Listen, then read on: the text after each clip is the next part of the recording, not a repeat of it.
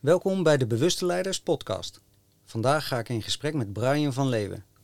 Brian is nog jong, maar heeft er al een heel leven op zitten. Hij was vroeger een echte festivalganger. Het werd alleen bijna zijn ondergang. Nu zoekt hij de vrijheid niet meer extern, maar vooral in zichzelf. Hij heeft een boek geschreven waar we het vandaag over gaan hebben, maar ook over het platform wat hij heeft. Dat heet Thuiskomen.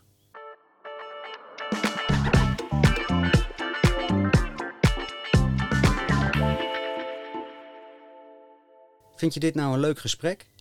Help dan het bereik te vergroten en deel de link met vrienden en bekenden via social of app. Brian, welkom. Dankjewel, Roald. Fijn hier te zijn.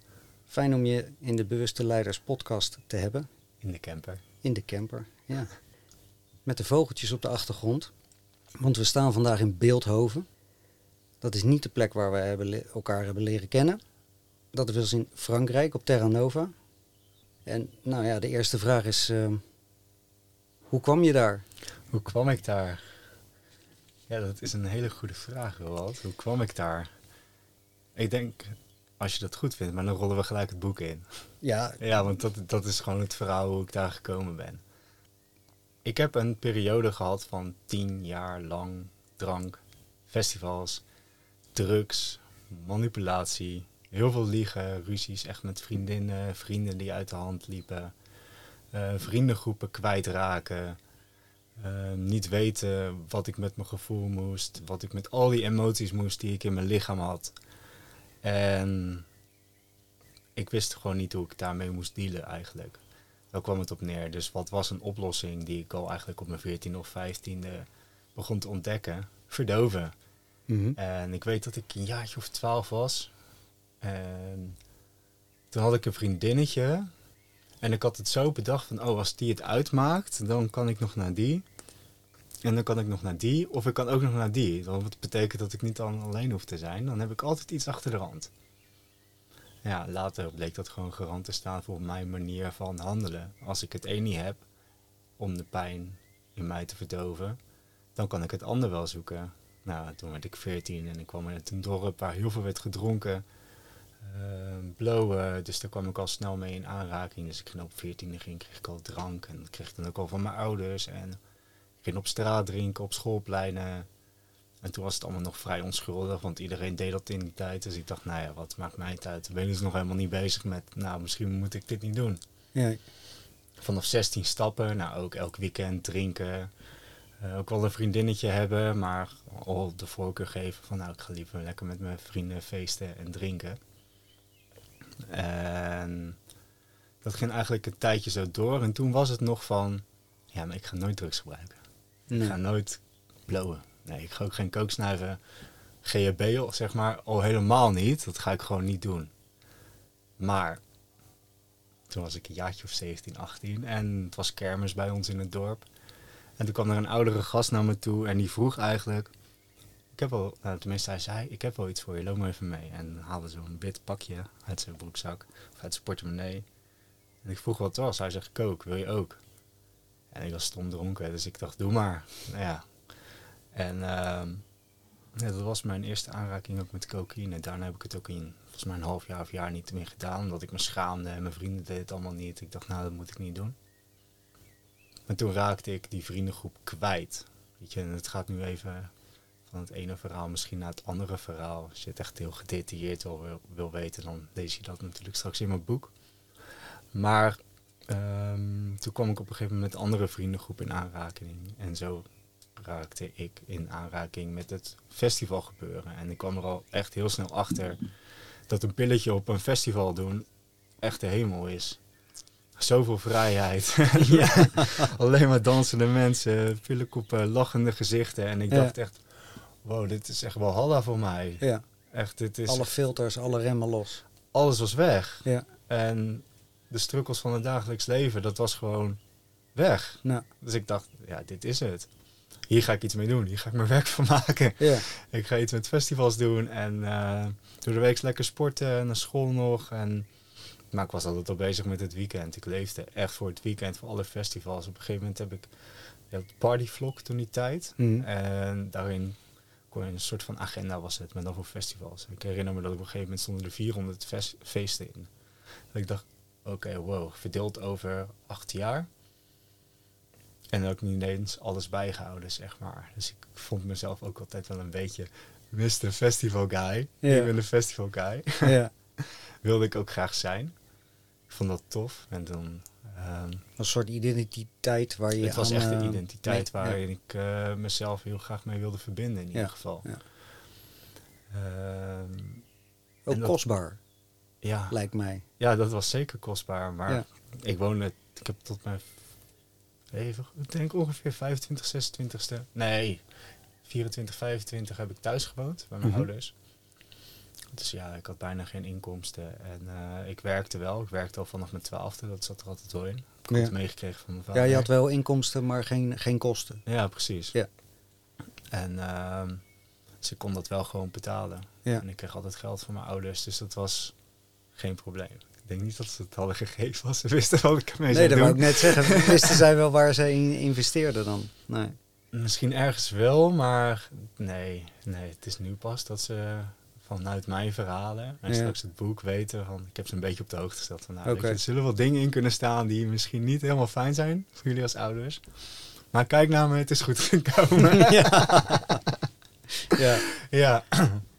Ehm, maar dat was dus echt helemaal de hemel, die festivals. Maar toen was het ook van, nou, ik doe gewoon een pilletje. Ik ga nog niet te veel kook snuiven. Ketamine ook niet. En GHB al helemaal niet. Mm. Nou, van het een gaat het ander. En je rolt er helemaal in. En merkte wel dat mijn liefdesrelaties, die waren echt niet gezond. Hmm. Daar, werd, daar kwam echt de pijn naar boven ook. En dus telkens als ik een vriendin had, dan ging er een systeem in mij aan. Wat echt wilde vastklampen en gewoon het liefst mijn klauwen erin willen zetten. En van jij bent van mij Ja. en ik bepaal wat jij doet. En ik wil niet dat je alleen weggaat, want dan zou het maar zomaar eens kunnen zijn dat je met iemand anders naar bed gaat. Mhm. Ehm, dus ik werd heel jaloers. En ja, dat vonden de meeste vriendinnetjes, meisjes, die vonden dat niet zo Nee, leuk. Nee. Dus eigenlijk realiseerde ik waar ik telkens bang voor was. Dus ik dacht, ik ga ze kwijtraken. Nou ja, je Ja, weet dat hoe, gebeurt dan. Je weet hoe het werkt Ja. met de wet van aantrekking. Je raakt ze kwijt. Ja. Ehm, en toen heb ik op een gegeven moment kwam ik één vriendin tegen. En daar werd ik zo verliefd op. Mhm. Samenwonen. En daar gebeurde precies hetzelfde. Ehm, en vanaf dat moment dat het uitging, eigenlijk in die relatie al ging het achteruit. Ik was met GHB in aanraking gekomen en ja, het werd steeds pijnlijker. Ik verloor mezelf steeds meer, ik ging steeds meer drugs gebruiken. En de festivals werden ook niet meer leuk op een gegeven moment. Was een moedje. Ja, het moet je en er Vlucht. kwam angst. Ja. En ik kreeg door natuurlijk dat ik problemen had. Ja. Want je wordt ouder en op een gegeven moment ga je denken, nou misschien klopt er wel iets niet wat ik doe. Mhm. En ehm, Ja, het was niet meer onschuldig. nee, nee. Vooral niet toen de GHB in het ehm, veld kwam, of Mhm. in het spel kwam. Want toen kreeg ik door wat mijn gebruik deed. Want GHB hoeft maar een klein beetje te veel te nemen en je ligt knock-out. En dat gebeurde dus continu. En normaal gesproken, ik gooide alles naar binnen. Het kon maar niet gek genoeg en ik bleef gewoon staan. Ik voelde me natuurlijk niet altijd goed. Maar ik had wel zoiets van, oh, ik kan het aan.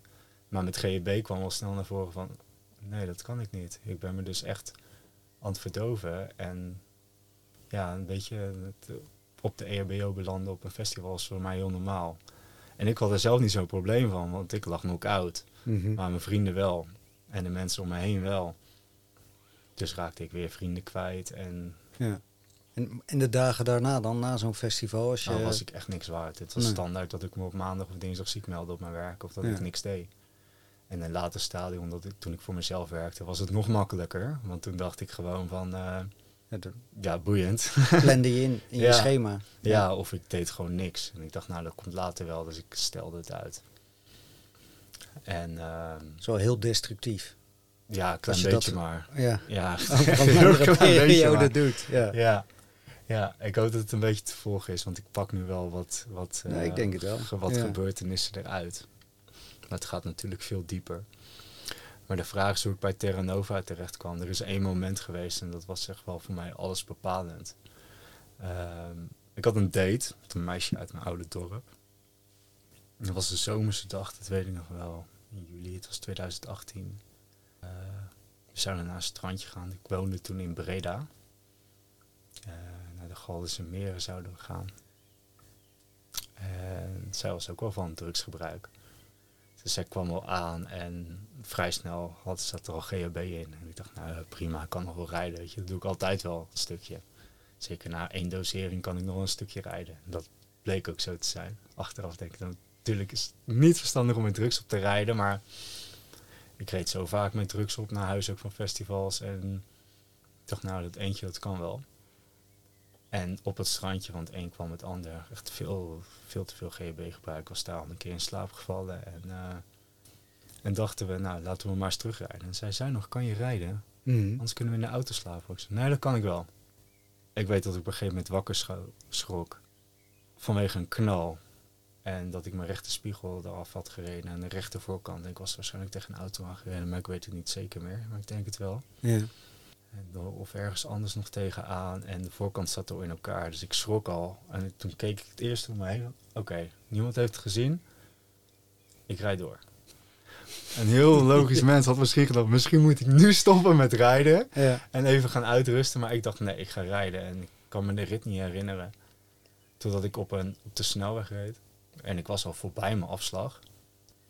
En ik zie mezelf zo richting de vangrail gaan. Op het moment dat ik bijna dicht die vangrail aansta, denk ik dat ik word van iets wakker. Ik denk, nu is een engeltje in mijn, s- die mijn schouder heb geknepen. En ik schrik wakker en ik doe zo. Ja. En ik denk, "Oef, oké. Ik ga terug naar de rechte baan. En er komt politie achter me rijden. St- Stop, politie. Oh, serieus. kutzooi, dacht ik. Nu ben ik te lul. Want Ja. er zit zoveel in mijn bloed. Ik had ook nog wat ketamine daar gepakt op dat strandje. Nou, in combinatie met GB. Het is echt het stomste wat je kan doen. Er stond stop politie. Dus ik moest mee. Ik zei, kut, GHB ligt in de auto, spuitje ligt in de auto. Maar het lag niet bij elkaar. Mhm. Dus de politie zei, stap maar uit. Ik blazen, niks. We wilden de auto onderzoeken, want we zagen je wat wegstoppen. En eh na auto onderzocht, ze hebben dat flesje. Het was een flesje water en daar zit GHB in. Ze hebben Ja. het in de handen gehad, maar ze heeft het nooit gezien. Ik denk, oké, weer een engeltje op mijn schouder. Als ze dat hadden gezien, had ik nog voor moeten komen ook. Met waarschijnlijk drugsgebruik. Drugsbezit. En eh, ja, de test kwam natuurlijk dat ik drugs op had. Dus ik moest mee naar het bureau. Nou, bloed testen, alles erop en eraan. Daarna naar huis. Eh, zij hoefde niet mee naar het bureau, dus mijn huisgenoot. Ik woonde samen met een vriend toen de tijd. Ja. Had daar opgehaald. Ehm, ik naar het bureau. Daar een paar uur gezeten, ontnuchteren. En eh, ik nog zoeken in de auto van oké, hoe kom ik hier onderuit? Maar ik dacht, ja, ik kan, ik kan iets weigeren, maar dat... Weet je, nou, ik heb het uiteindelijk niet geweigerd en bloedtesten en alles gedaan. Toen mocht ik gaan. Ja, twee maanden later kreeg ik een brief dat ik alleen een boete kreeg. Ze hadden geen GHB in mijn bloed gevonden, geen ketamine, iets van opium. Dus eh, ik hoefde geen traject bij het CBR. Rijbewijs werd niet afgepakt. Dus ik kreeg een boete voor rijden onder invloed en een boete voor ehm, ja, onverantwoord rijden. Dat soort dingen. Dus ik ben er echt goed mee weggekomen. Heb je gezwijnd, Ja. zoals dat heet. Ja. Ja. Ik heb echt geluk gehad ermee. Maar toen was de schade natuurlijk al gedaan. Want ik dacht, ja, ik kan dit echt aan niemand vertellen. Ik schaamde me dood, ging erover liegen. Uiteindelijk werd dat natuurlijk, kwamen ze daar weer achter dat ik loog.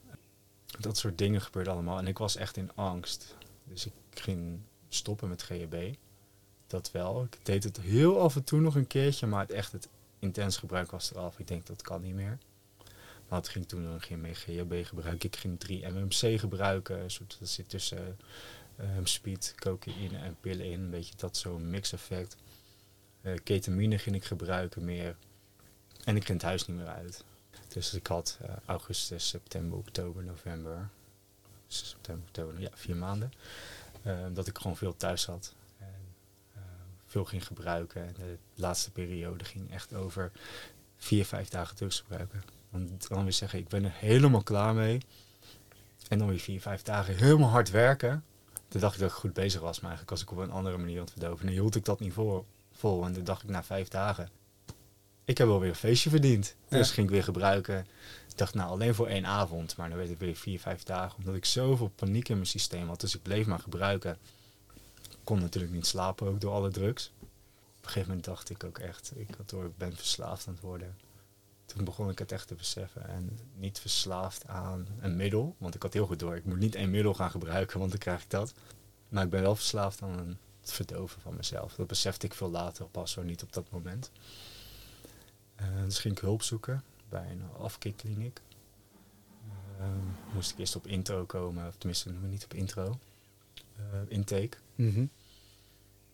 Maar in diezelfde periode was ik gestart met een meditatiecursus. Eh, ik deed al veel met persoonlijke ontwikkeling. Michael Pilarczyk, boeken van eh, Napoleon Hill was ik allemaal aan het lezen. Ik had al in- inmiddels een aantal trajecten met psychiaters en psychologen gehad. En dat vond ik super interessant. Dat vond ik echt heel tof. Dat ik merkte dat het hielp. Maar het haalde niet die angel eruit, want het werd alleen maar erger. Ja. Maar ik leerde er wel veel van. Maar het haalde niet het probleem weg. Dus ik denk, kut, sorry. Wat nu? En toen wonder boven wonder, eh, dat heb ik jou volgens mij ook een keer verteld aan het begin. Ik hoorde een podcast of een video, iets van Michael Pilarczyk in ieder geval. En dat eh, was in die periode. En die zei, als je een levensveranderende ervaring wil, ga dan naar Terra Nova. En ik dacht, nou, hé, hey, ik heb niks te verliezen. Let's go. Dus ik naar Terra Nova. Geen idee ook wat ik daar stond, wat ik daar kon verwachten. Kende je, kende je Robert al? Nee, Oh, oké. nee. Ja. Ik had eh, wat video's gekeken. Ik denk, wat is dat voor rare stuiter? Ik moet er echt, eh, wat moet ik daarmee? Maar eh, ik, geen idee. Dus ik was nog vol in de ontkenning. Ja. Maar ik, ik wist ook niet wat we gingen doen. Ik dacht, we gaan een beetje mediteren en aan het bedrijf werken en dat. Nou, dat was het echt totaal niet, zo'n transformatiegetretten. Ik ging daarheen en ik werd opengezet. Het was echt... Ik voelde zoveel liefde ook voor de mensen om me heen. Ik begon gidsen te zien, entiteiten te zien, aliens te zien. ehm, er gebeurde, ik kon de energie in de ruimte observeren en waarnemen. En dat ik echt dacht, En dat zonder verdovende middelen. ja, precies. En dan is het natuurlijk allemaal nog echt halleluja, zeker in het begin. Maar ik had wel het gevoel van, oh ja, er is dus wel meer wat ik al die tijd dacht. Dus er is iets. Mhm. En er is in die week iets gebeurd. Er is iets uit me gehaald. Uit mijn energieveld. En ik weet niet wat. Maar de behoefte om te verdoven was weg. Van like that? Ja, precies, like that. Eh, natuurlijk niet helemaal, want eh, verslaving is, ik zie dat meer als een ziekte, dus het zit nog in je systeem en het gaat op allerlei verschillende lagen, maar echt de meest intense laag was eraf, dus ik kon me beheersen Mhm. en ik had niet meer zo de neiging om te gebruiken. Plus ik kwam daar een meisje tegen, waar ik helemaal verliefd op was. Beetje gevaarlijk natuurlijk. Ja. En ehm, dat bleek ook, want ik stortte daar mezelf weer helemaal op. En zij was liefde en ik was blij en eh, was al, ik was helemaal goed, ik was helemaal gezond. Totdat zij op de een op de andere dag ineens zei van ik wil niks meer met je te, nou, niks meer met je te maken hebben. Ze wilde in ieder geval niet met me verder. Ja.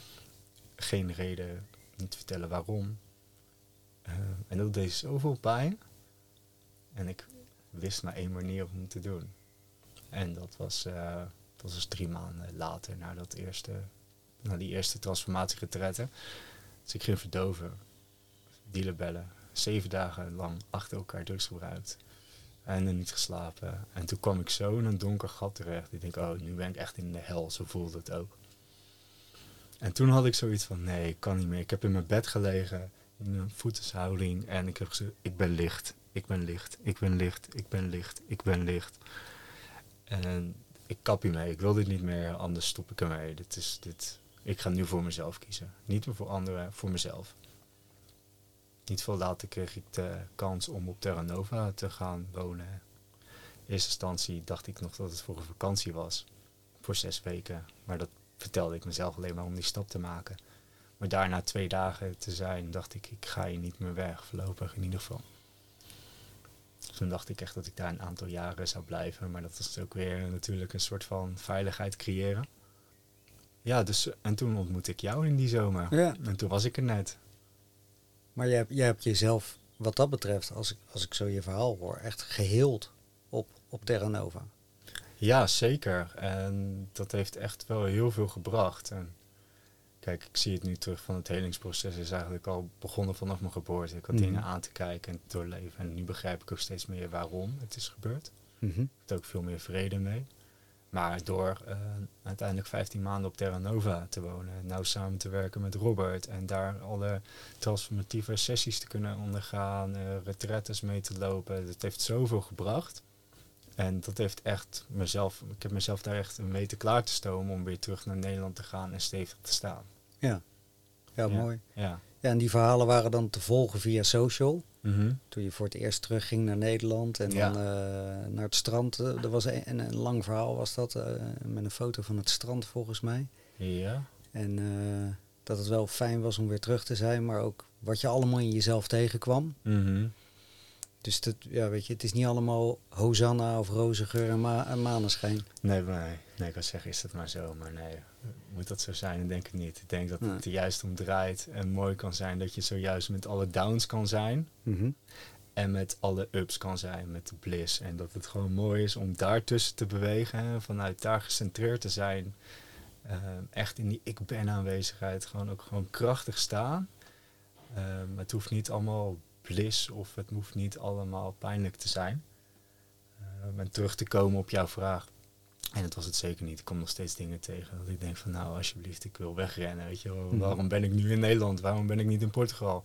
Waarom ben ik niet aan het reizen? Of, eh, maar ja, ik, ik kom daar nog steeds pijnstukken in tegen. En dat is logisch ook. Ja. Want het, het zijn zoveel laagjes af te pellen. En op een gegeven moment merk je wel dat je de zwaarste lagen, zeker in het begin, wel gehad hebt. En soms ook weer niet. Want dan, nu ben ik wat zeg maar, verder, 2,5 jaar, en kom ik nog steeds zwaardere stukken tegen. Maar ze voelen minder zwaar, omdat ik weet dat ik het aan kan. Dus het is niet meer zo groot. Dus misschien ook herkenbaar, dus het Ja. overvalt ook minder. Dat klopt, ja. Ja, het overvalt zeker minder.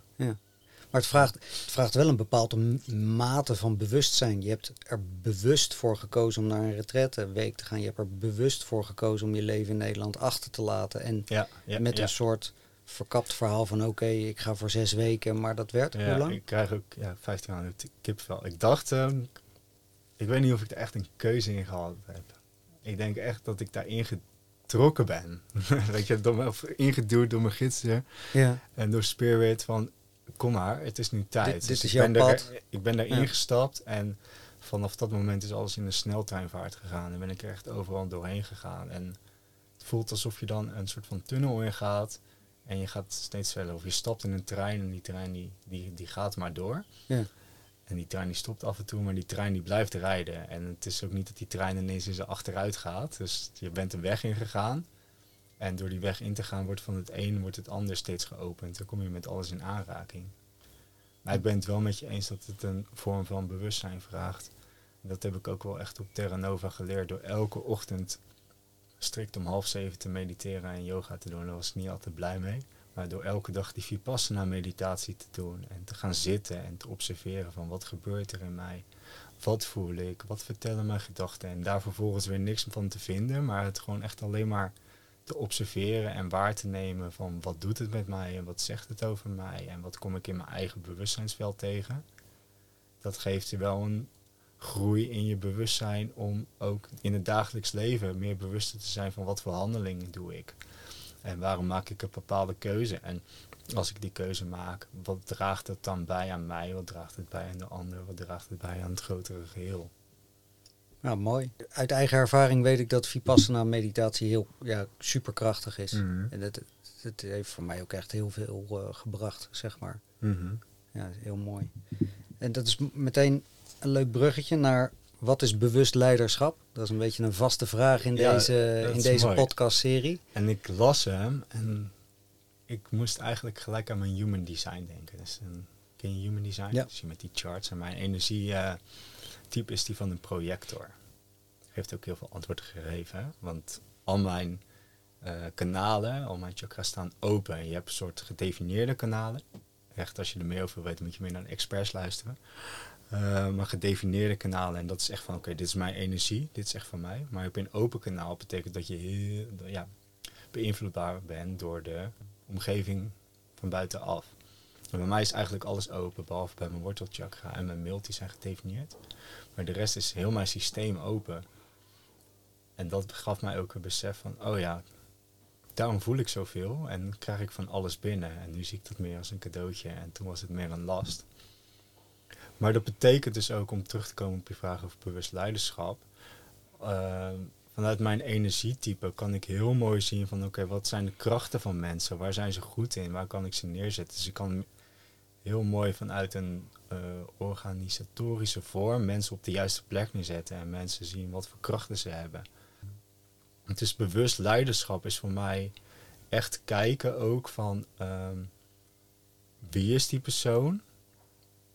Wat kan die persoon en hoe komt die persoon op de juiste plek terecht? En wat is de potentie van die persoon en hoe kan die daar ook naartoe groeien?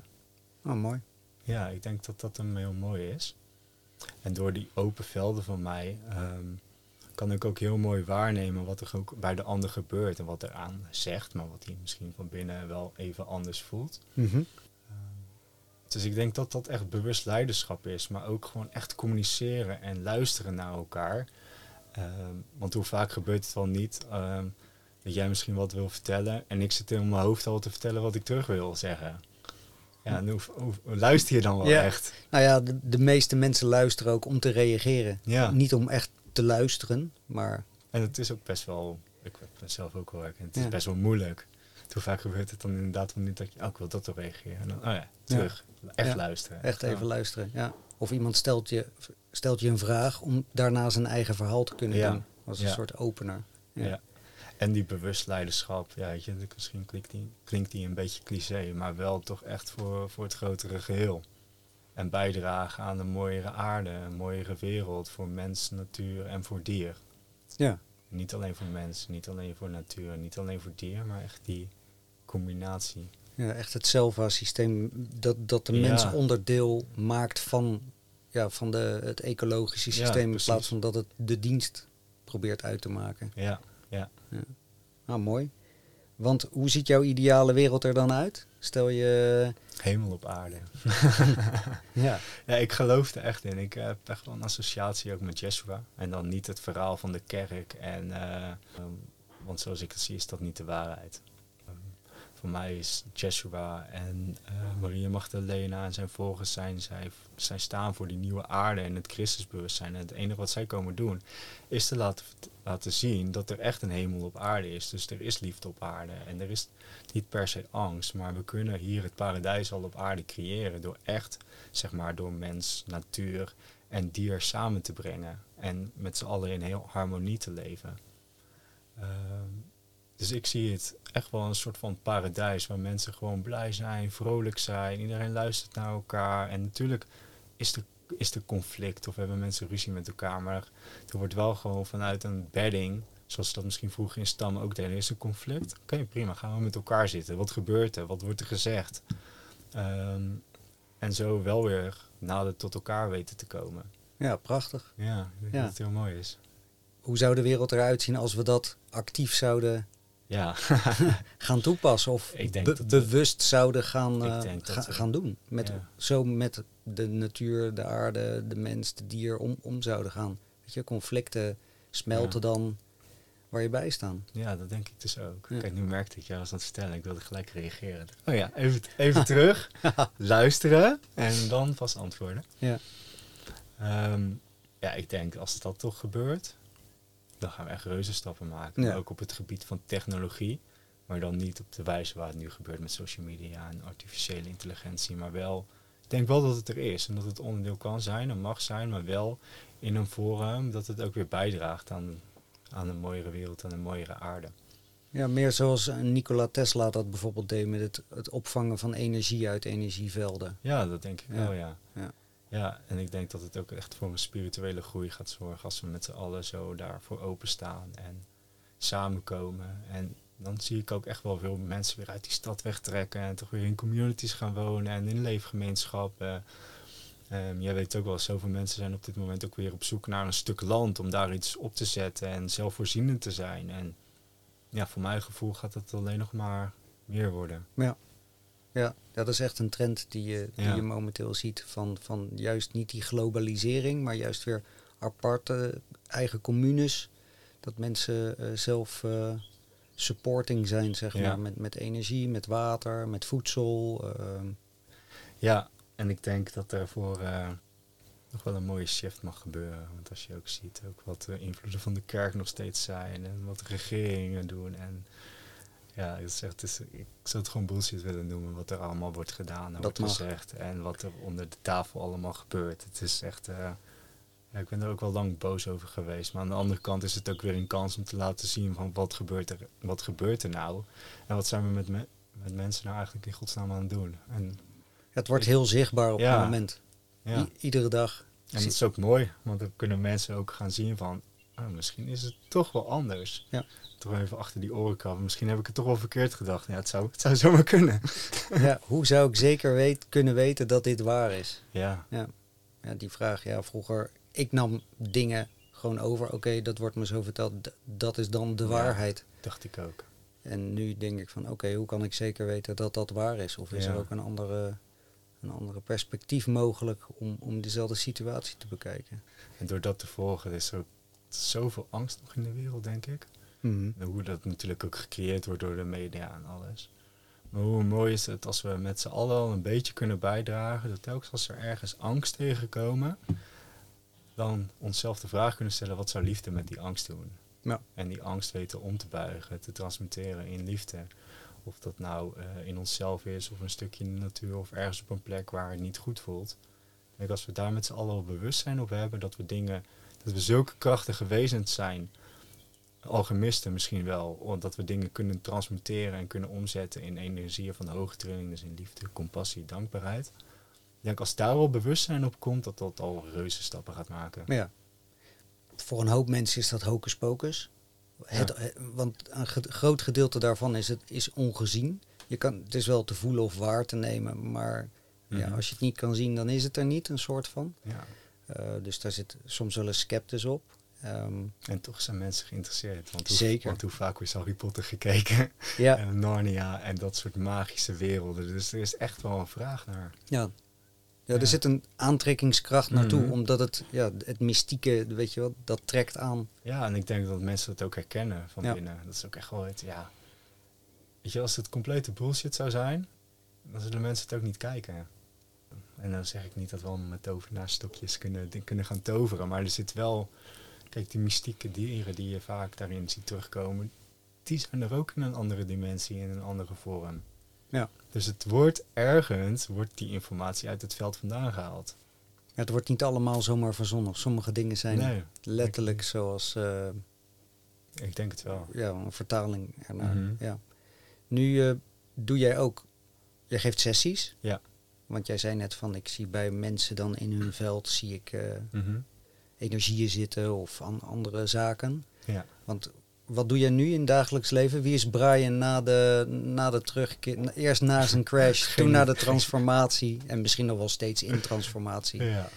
Waar, wa- wie is Brian nu? Geen idee wel. kan jij het mij vertellen? Nee, nee, ja, ja, goed. mooi. Ja. Nee, ik merk wel steeds meer eh, de rol die ik in mag gaan nemen. En ik merk dat ik heel makkelijk, zowel bij de, inderdaad wat ik net zei, eh, op de hemel op aarde. Maar dat is voor mij ook bewegen tussen verschillende velden, verschillende dimensies. Ik kan heel gemakkelijk bij het allerhoogste blisgevoel. Mhm. Maar ik kan ook heel gemakkelijk bij de dood, zeg maar. En echt bij die angst terechtkomen. Dus ik zie mezelf, en dat heeft heel lang geduurd voordat ik me dat ook in mezelf heel herken. Ik zie mezelf ook echt wel als een, eh, als een shamaan en als een heler. En ehm, ik geef daar veel één op één sessies eh, in in Nederland. En op dit moment eh, werk ik veel met de voorouderlijke lijnen. Dus vanuit de opleiding die jij en ik doen bij Maarten Oversier. Mhm. Ehm, ik merk dat dat zo bij me past ook. En dat gaat echt gewoon vanzelf. En ik zie de verbanden en hoe het misbruik van oma nog invloed kan hebben op de patiënt die bij mij op de stoel zit, zeg maar. Of hoe een ehm, vergassing in een vorig leven ehm, direct effect kan hebben op de ademhaling in dit leven. Ja. En dat soort verbanden. En ik merk dat ik dat echt super tof vind. Ik ben ook altijd wel geïnteresseerd geweest in geschiedenis. Dus ik weet veel over de Eerste Wereldoorlog en de Tweede Wereldoorlog en wat voor dingen er hebben gespeeld. En ja, het is zo waardevol ook om met die voorouders te werken en te zien hoe een effect dat direct heeft op de cliënt. En dat ik soms berichtjes krijg achteraf van ja, het is echt. Ik was altijd bang in de auto, maar ik rij weg bij een sessie en ik ben gewoon niet meer bang. En dan denk ik, ja, maar dit is ook wat ik het doe. En dan gaat die magie bij mij ook aan. Dat ik gelijk zie van dit heeft effect. En het is mooi ehm, dat mensen blijer worden en gelukkiger worden daarvan. is Dus mooi werk. Ja, het is echt prachtig werk. Ja. Ja. ik ben er heel blij mee. En ik merk ook dat het aantrekt. Eh, er komen steeds meer mensen naar me toe. Dus daar ben ik heel dankbaar en blij mee. Eh, dus dat is eigenlijk wat ik doe qua één op één sessies. Eh, begeleid plantenreizen, ceremonies. Dus met chocobliss, dus daar zit kapi in, truffel en cacao en ayahuasca. Ja. En dat vind ik super tof en daar komen ook telkens gewoon aanmeldingen voor. En dat is dan in, één op één of is dat via Ik de, doe dat de allemaal één- thuiskomen? Nee, dat is echt gewoon één op één. Dat Ja. doen we niet onder thuiskomen. Nee, maar dat voelt heel heilig en mooi om daarmee samen te werken en ook te mogen dragen. En dat doen we eigenlijk voor eh, individuen en voor duo's. Omdat ik dan echt voel van ik kan die veiligheid bieden in een groep. Eh, omdat ik van mezelf weet hoe, je op een groep kan reageren. En hoe energie all over the place is. Zeker als je acht mensen aan een ayahuasca of een andere eh plant medicijn hebt liggen. Die staan helemaal open, dus al die energieën gaan helemaal door elkaar.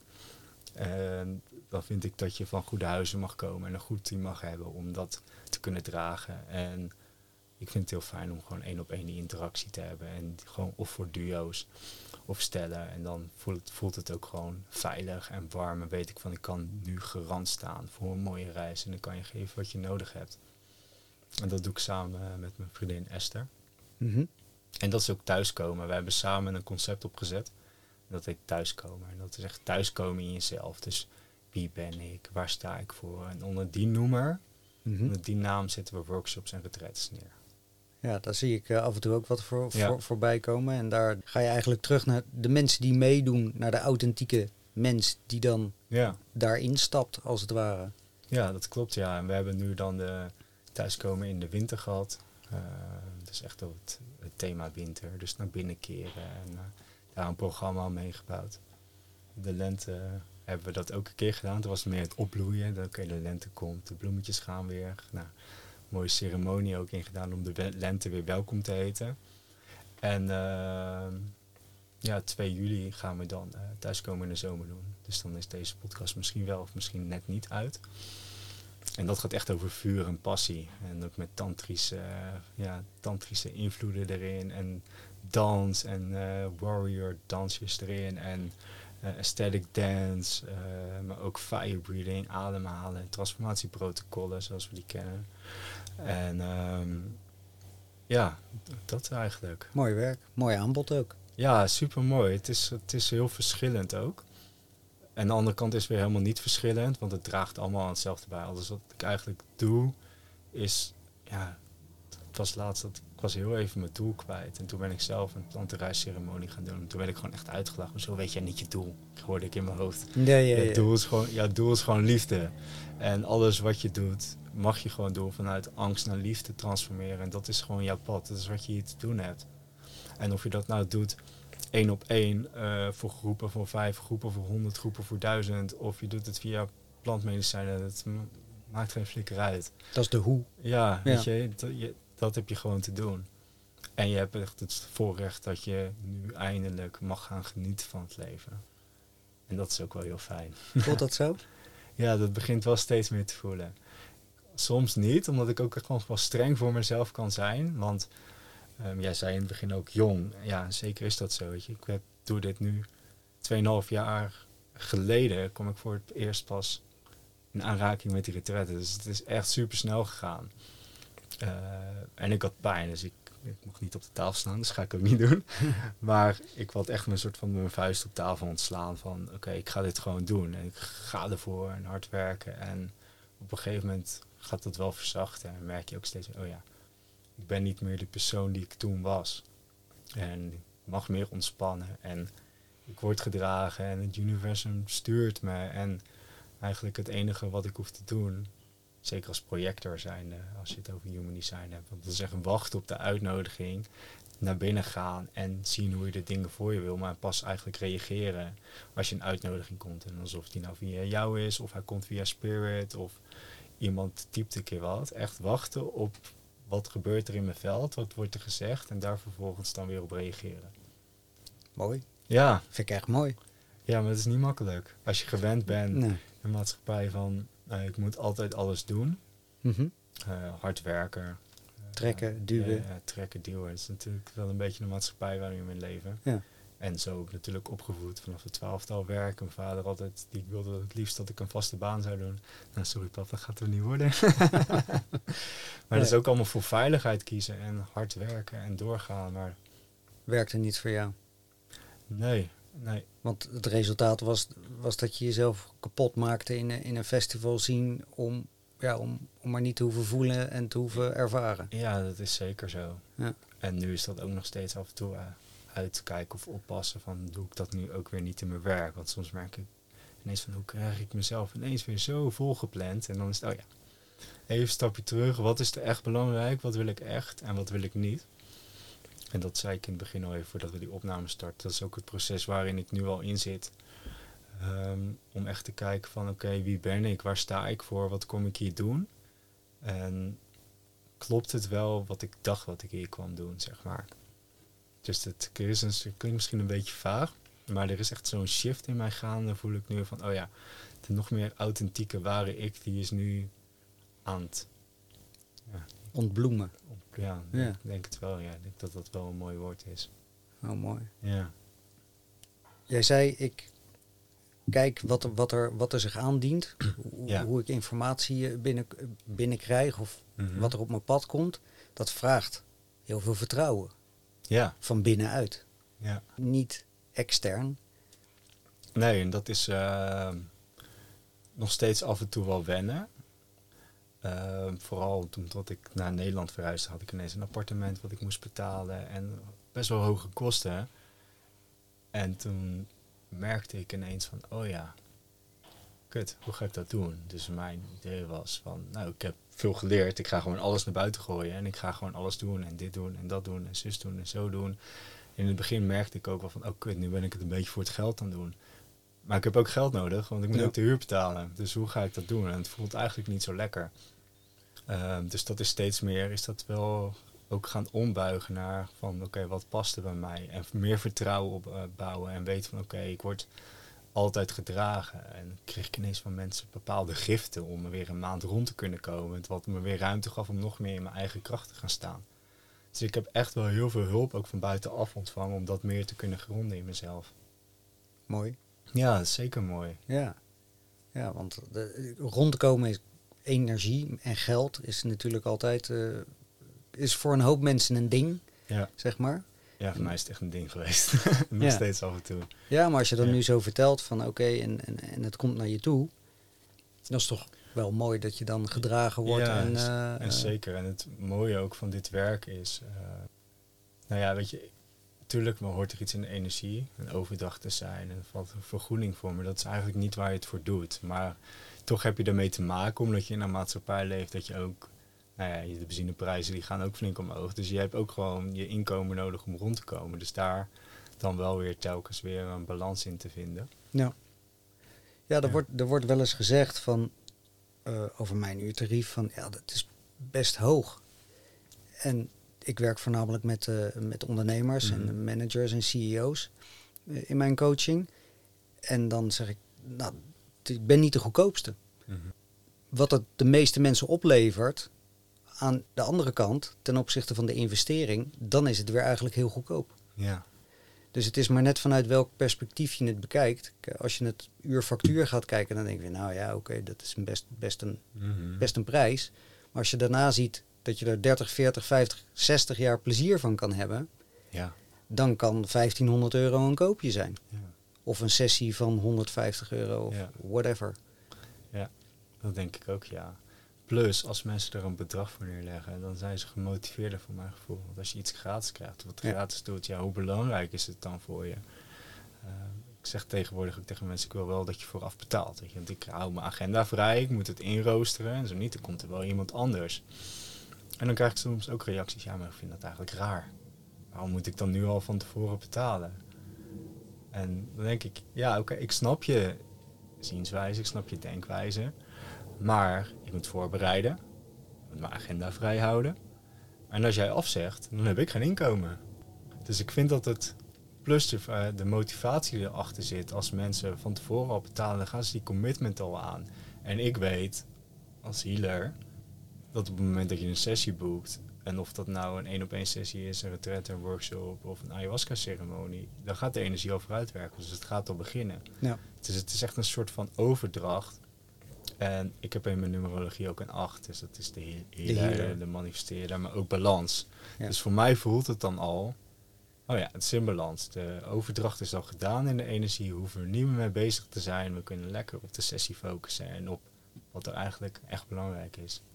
Maar het is, een, het is een speelveld, ja. Ja. Vooral als ik merkte bij me in het begin hoeveel waarde ik hechtte aan geld. En natuurlijk, het is een schijnveiligheid. Want ik had er gekoppeld, nou, dan voel ik me veilig. En het doet dan pijn om niet op reis te kunnen gaan en dat. Dus er zit ook, er zit ook een pijnstuk in. Dus het komt Universum, die gaat allemaal mensen sturen. Van, hé, hey, laat even Brian triggeren, hè. Want eh, kijk hoe hij met zijn geldproblemen omgaat. Ja, er is nog wat te spiegelen. ja.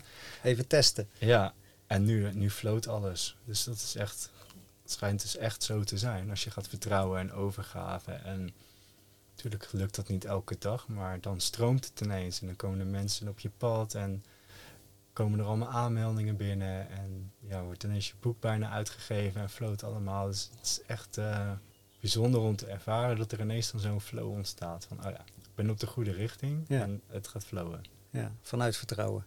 Ja. Mooi. Je zegt net boek. Ja. Wat voor boek? Eh, wat, wat wil je daarmee? Wat Ja. heb je daarin opgeschreven? Ja, eh, het boek heet Het had zomaar anders kunnen aflopen. En dat is eigenlijk gebaseerd op het verhaal wat ik eh, net eigenlijk al vertelde. En dat vertelt eigenlijk het verhaal wat ik heb meegemaakt, grotendeels vanaf mijn 20 tot 30 jaren. Vanaf het moment dat ik mezelf in de vangrail bijna reed. Wat voor gebeurtenissen ik daar allemaal in heb gehad op festivals. Hoe ik op de E EHBO eh, weer terecht kwam. Hoe ik vriendengroepen verloor. Hoe ik mezelf verloor aan het verdoven van mijn emoties door drank en drugs. En hoe mooi het begon en hoe prachtig het was. Hoe dat steeds meer achteruit ging, achteruit ging, achteruit ging. Totdat ik toch echt in een zwart gat zat en gewoon niet meer wist wat ik moest doen. En hoe ik daar uiteindelijk weer uit ben gekomen door de retretten. En wat ik daar allemaal heb meegemaakt en wat ik in mezelf ben tegengekomen. Dus het is een combinatie van een meeslepend verhaal, want ik wilde er wel echt een verhaal van maken. Eh, wat je eigenlijk meeneemt door het festivalleven heen en het drugsgebruik. Wat voor dingen daarin tegenkomen. Ook wat te maken had met porno en met relaties. En hoe ik eigenlijk fucked up ik daarin raakte. Zonder dat eigenlijk zelf door te hebben. Maar ook al dat zulke dingen eigenlijk al beginnen vanuit de geboorte. Omdat ik van oorsprong tweeling, tweeling ben. En ik had altijd dus een gemis. Maar ik wist eigenlijk pas tot twee jaar, twee jaar geleden dat ik van oorsprong een tweeling was. Dus ik heb dat ook nooit geweten. En toen dacht ik, ja, als ik dat van tevoren had gewist, dan was het een heel ander verhaal geweest. Maar het had niet zo moeten zijn. Maar dit het vertelt dus eigenlijk het verhaal dus van alle ins en outs. ehm, alle lows en alle highs die erin zitten. Hoe dat voor mij is geweest en hoe ik ben gekomen waar ik eigenlijk nu sta. En in die periode heb ik veel boeken gelezen, veel met mindset bezig geweest. ehm, maar ook mm, mm, veel bij psychologen gelopen, psychiaters. ehm, dingen gevolgd, wat noem je dat, in therapie geweest. En dat heeft echt wel heel veel kennis opgegeven. En ik heb allerlei verschillende methoden uitgeprobeerd. En toen dacht ik, ja, maar ik kan er ook iets moois nog aan toevoegen. En ik had, het boek begon eigenlijk als de naam Transformatie van de Mind. Met 31 methoden voor een authentiek leven. Nou, dat is uiteindelijk geworden, het had zomaar anders kunnen aflopen. Dus het verhaal inclusief 21 geheimen voor een authentiek en vrij leven. En dat is het tweede gedeelte van het boek. Dat zit niet in het boek zelf, dus dat kan je waarschijnlijk door middel van de QR-code. Niet zo'n QR-code die je krijgt bij je vaccinatie. je hoeft niet gevaccineerd te zijn voor het boek, gelukkig. Maar wel, dus die kan je scannen en dan krijg je het e-book met, de 21 Oh, mooi. met de 21 geheimen. Dus het is zowel een, een, een verhalend boek als een praktisch. Ja, het geeft Eh, ook gelijk de tools en de middelen om er zelf mee aan de slag te gaan. En die 21 geheimen die beginnen eigenlijk heel opbouwend. Eh, die beginnen met mediteren, journalen. Eh, die eindigt vervolgens met leven in overgave ver- en vertrouwen. Dus daar zit de reis in die ik zelf ook heb gemaakt. En die kan je volledig op eigen tempo doen. Weet je, ik adviseer van lees elke dag een hoofdstuk en ga daarmee aan de slag. Maar als je zoiets hebt van ik heb vijf dagen nodig om het eerste hoofdstuk te integreren, doe je dat. En Ja. dan lees je verder. Dus je kan het helemaal op eigen tempo doen. En daar ga ik nog een online eh, training aan koppelen. Die is dan wel betaald, maar dat, eh, dat, die moet ik nog uitwerken. Ja. Maar dat, dat is het boek. En ik ben dat boek begonnen met schrijven in 2020, wat ik al zei. Met een hele andere insteek. Toen was net corona. En toen dacht ik, nou, ik ga wel even een boek schrijven. En dat doe ik binnen twee maanden online zetten. En eh, dan ga ik mensen helpen. Maar dat werd even iets anders. Ja, dat maar, werd anders. Maar een boek schrijven is oprecht, is, is een kunst op zich. Ja, en het is Ja. super helend. Want voordat ik het verhaal heb geschreven, heb ik mijn hele levensverhaal uitgeschreven. En natuurlijk veel tranen in tegengekomen. Maar ook, ja, af ik heb er best wel voor mijn gevoel lang over gedaan. Ik kan wel snel werken, dat is wel fijn. Maar af en toe gewoon maar een hoofdstuk schrijven of een paragraaf. En dan denk ik van, oeh, oh ja, ik merk dat dit wel wat in me doet. Dus ik mag hier even mee gaan zitten. Ik mag hier even gaan voelen, even aandacht aan geven, de emoties te laten zijn. En oké, wil ik nu weer verder schrijven? Ja, mooi. Ja. Ja, Ja. Dus ik heb er ook echt wel tijd voor genomen om de ja, gebeurtenissen in te helen. Omdat er zoveel mensen ook in staan. Ik heb het niet bij een oorspronkelijke naam ge- genoemd. Dat er zoveel mensen in staan ehm, waar ik een verleden mee heb en waar pijn, pijn in zat. En dat vroeg ook gewoon om heling. Dus daar heb ik wel het bij stilgestaan. Ja. Ja, En hoe, ehm, hoe, hoe is het voor je omgeving? Je ouders of andere vrienden en bekenden die denken van, nou, Ja, volgens mij, voor mijn gevoel, wordt dit boek wel echt gedragen. Dat merk ik vanaf het begin al. Ik heb het tegen mijn ouders eh, verteld. Ik zeg, pap, mam, misschien kunnen er wel dingetjes in staan waar je denkt van, nou, dat is niet heel fijn. Toen zeiden ze van, ja, maar we weten het wel. Toen dacht ik, nou, niet alles. wacht maar, Ja. wacht maar. Eh, Ja, dus dat, dat voelt wel heel goed. ja. Ja. En om dit boek geboren te kunnen laten worden, Mhm. heb je een crowdfunding actie opgezet. Ja, dat klopt. En dat is vanuit de uitgeverij is dat gestart. Uh, ze hebben iets voor beginnende schrijvers die nog niet het kapitaal hebben om een boek uit te geven, maar wel een verhaal hebben waarvan zij denken van ja, dit, dit, dit mag gewoon de wereld in. Uh, dus die crowdfunding is partij, het boekfunding, en die is gekoppeld aan de uitgeverij. Ja, vanuit daar wordt er een crowdfunding dus opgezet. Uh, zijn we nu mee bezig, maar dat gaat binnenkort online. Dus waarschijnlijk als deze podcast er is, dan staat, het online. online. Precies. Ja. Ja, daar vraag ik mensen ook eigenlijk om. Wanneer alleen als ze een ja voelen, als je een nee voelt, doe het alsjeblieft niet. Want ik wil de energie er ook gewoon zuiver in hebben. Maar als jij voelt van, oh, die Brian die heeft een mooi verhaal en die kan de wereld helpen. En ik geloof er echt heilig in dat het echt heel veel mensen kan gaan helpen. Ook het mensen in het festival leven. Want ik heb al wat gepolst en ik voel dat zoveel mensen ook daar een soort gelijk verhaal hebben. Al is het maar alleen, zeg maar, weer naar porno kijken om liefde te zoeken. Of uh, een keertje uh, te lang op een af te blijven. Of toch maar weer kook gebruiken. Of toch maar weer dat drankje doen. Of jaloezie voelen. Alle, ja, alle segmenten zitten erin waar veel mensen denk ik wel herkenning in gaan vinden. Um, en daar heb ik een bedrag voor nodig. En daar is een minimale inleg voor is. Je kan, ja, je kan elk bedrag kan je investeren, maar vanaf een x bedrag kan je, krijg je het boek. Uh, als je een groter bedrag investeert, dan krijg je de online training erbij. Uh, of ik ga sessies weggeven. Dat ga ik nog even kijken. Dat zal tussen deze tijd zal het wel bekend zijn. Maar dat, uh, dus je krijgt er ook gelijk iets voor terug als je erin investeert. Maar dat komt allemaal op je, Dat komt er allemaal bij te staan, ja. op ja. je website of op je Facebook Precies, of op mijn website. Instagram. brianvanleeuw.com, maar ook op de website van de boekvanding komt het. Uh, op social media. Dus ik ga, dat, uh, ik ga lekker spammen. Dat komt overal wel terecht. ja. Als mensen dat willen weten, dan kunnen ze het vinden. Ja. ja. Nou, ik denk dat dat wel helemaal goed gaat komen. Dat denk ik ook wel, ja. Dit boek mag er wel komen, ja. Ja, dat, dat voel ik vanaf het begin al ook. En uh, dat boek mag er komen. Ja. Nee, ja, mooi. En heb je dat boek dan nog specifiek met een doel geschreven? Of is, was dit meer het verwerken van je eigen proces? Dat je daarom ook zo snel bent gegaan omdat je het hebt uitgeschreven? Ja, goede vraag ook wel wat. In eerste instantie heb ik het voor mezelf gedaan. Dat is niet waar. In eerste instantie, omdat het eerst 31 geheim waren, dacht ik, ik ga mezelf neerzetten. En niet, dit is hoe ik naamsbekendheid ga genereren. En ik heb gewoon methoden en ik ga mensen helpen. Er zit echt nog wel wat ego achter. Ja. Maar uiteindelijk voelde ik van, oh, maar dat is niet waar dit boek om gaat. Dus toen is het meer gegaan van, oké, okay, eigen heling. Dus mijn verhaal voor mezelf schrijven. En eerst mezelf maar eens helen. Maar wel nog steeds van ik wil dit uitgeven. Maar ik had ook nog geen uitgeverij. Maar ik had wel zoiets van oké, het mag ook eerst wel bij gaan dragen aan mijn eigen heling. Maar ik voelde er ook wel eerlijk bij van dit gaat mensen helpen. Ehm, dus dat is het, het, boek heeft, ja, het boek heeft echt een eigen leven. Het klinkt ook misschien een beetje cliché, misschien zeggen heel veel schrijvers dat, maar het voelt echt alsof het een eigen leven heeft. En dat is heel bijzonder om te ervaren. En nu voel ik ook echt wel van oké, weet je, als mensen het alleen willen lezen uh, voor het verhaal, maar daar zit al zoveel, uh, ja, ik zal het zeggen, een soort van signalen, codes, influisteringen in. Um, die je misschien niet ziet met het blote oog, maar ze zitten er wel in, die gewoon activeren en die je misschien op een andere denkwijze zet of je uitnodigen om een keer iets anders te doen. Maar het is nu ook wel erop gericht van oké, ik wil mensen ook echt wel iets kunnen bijdragen en iets kunnen meegeven wat ze direct in dieren nieuw kunnen toepassen als ze het nodig hebben.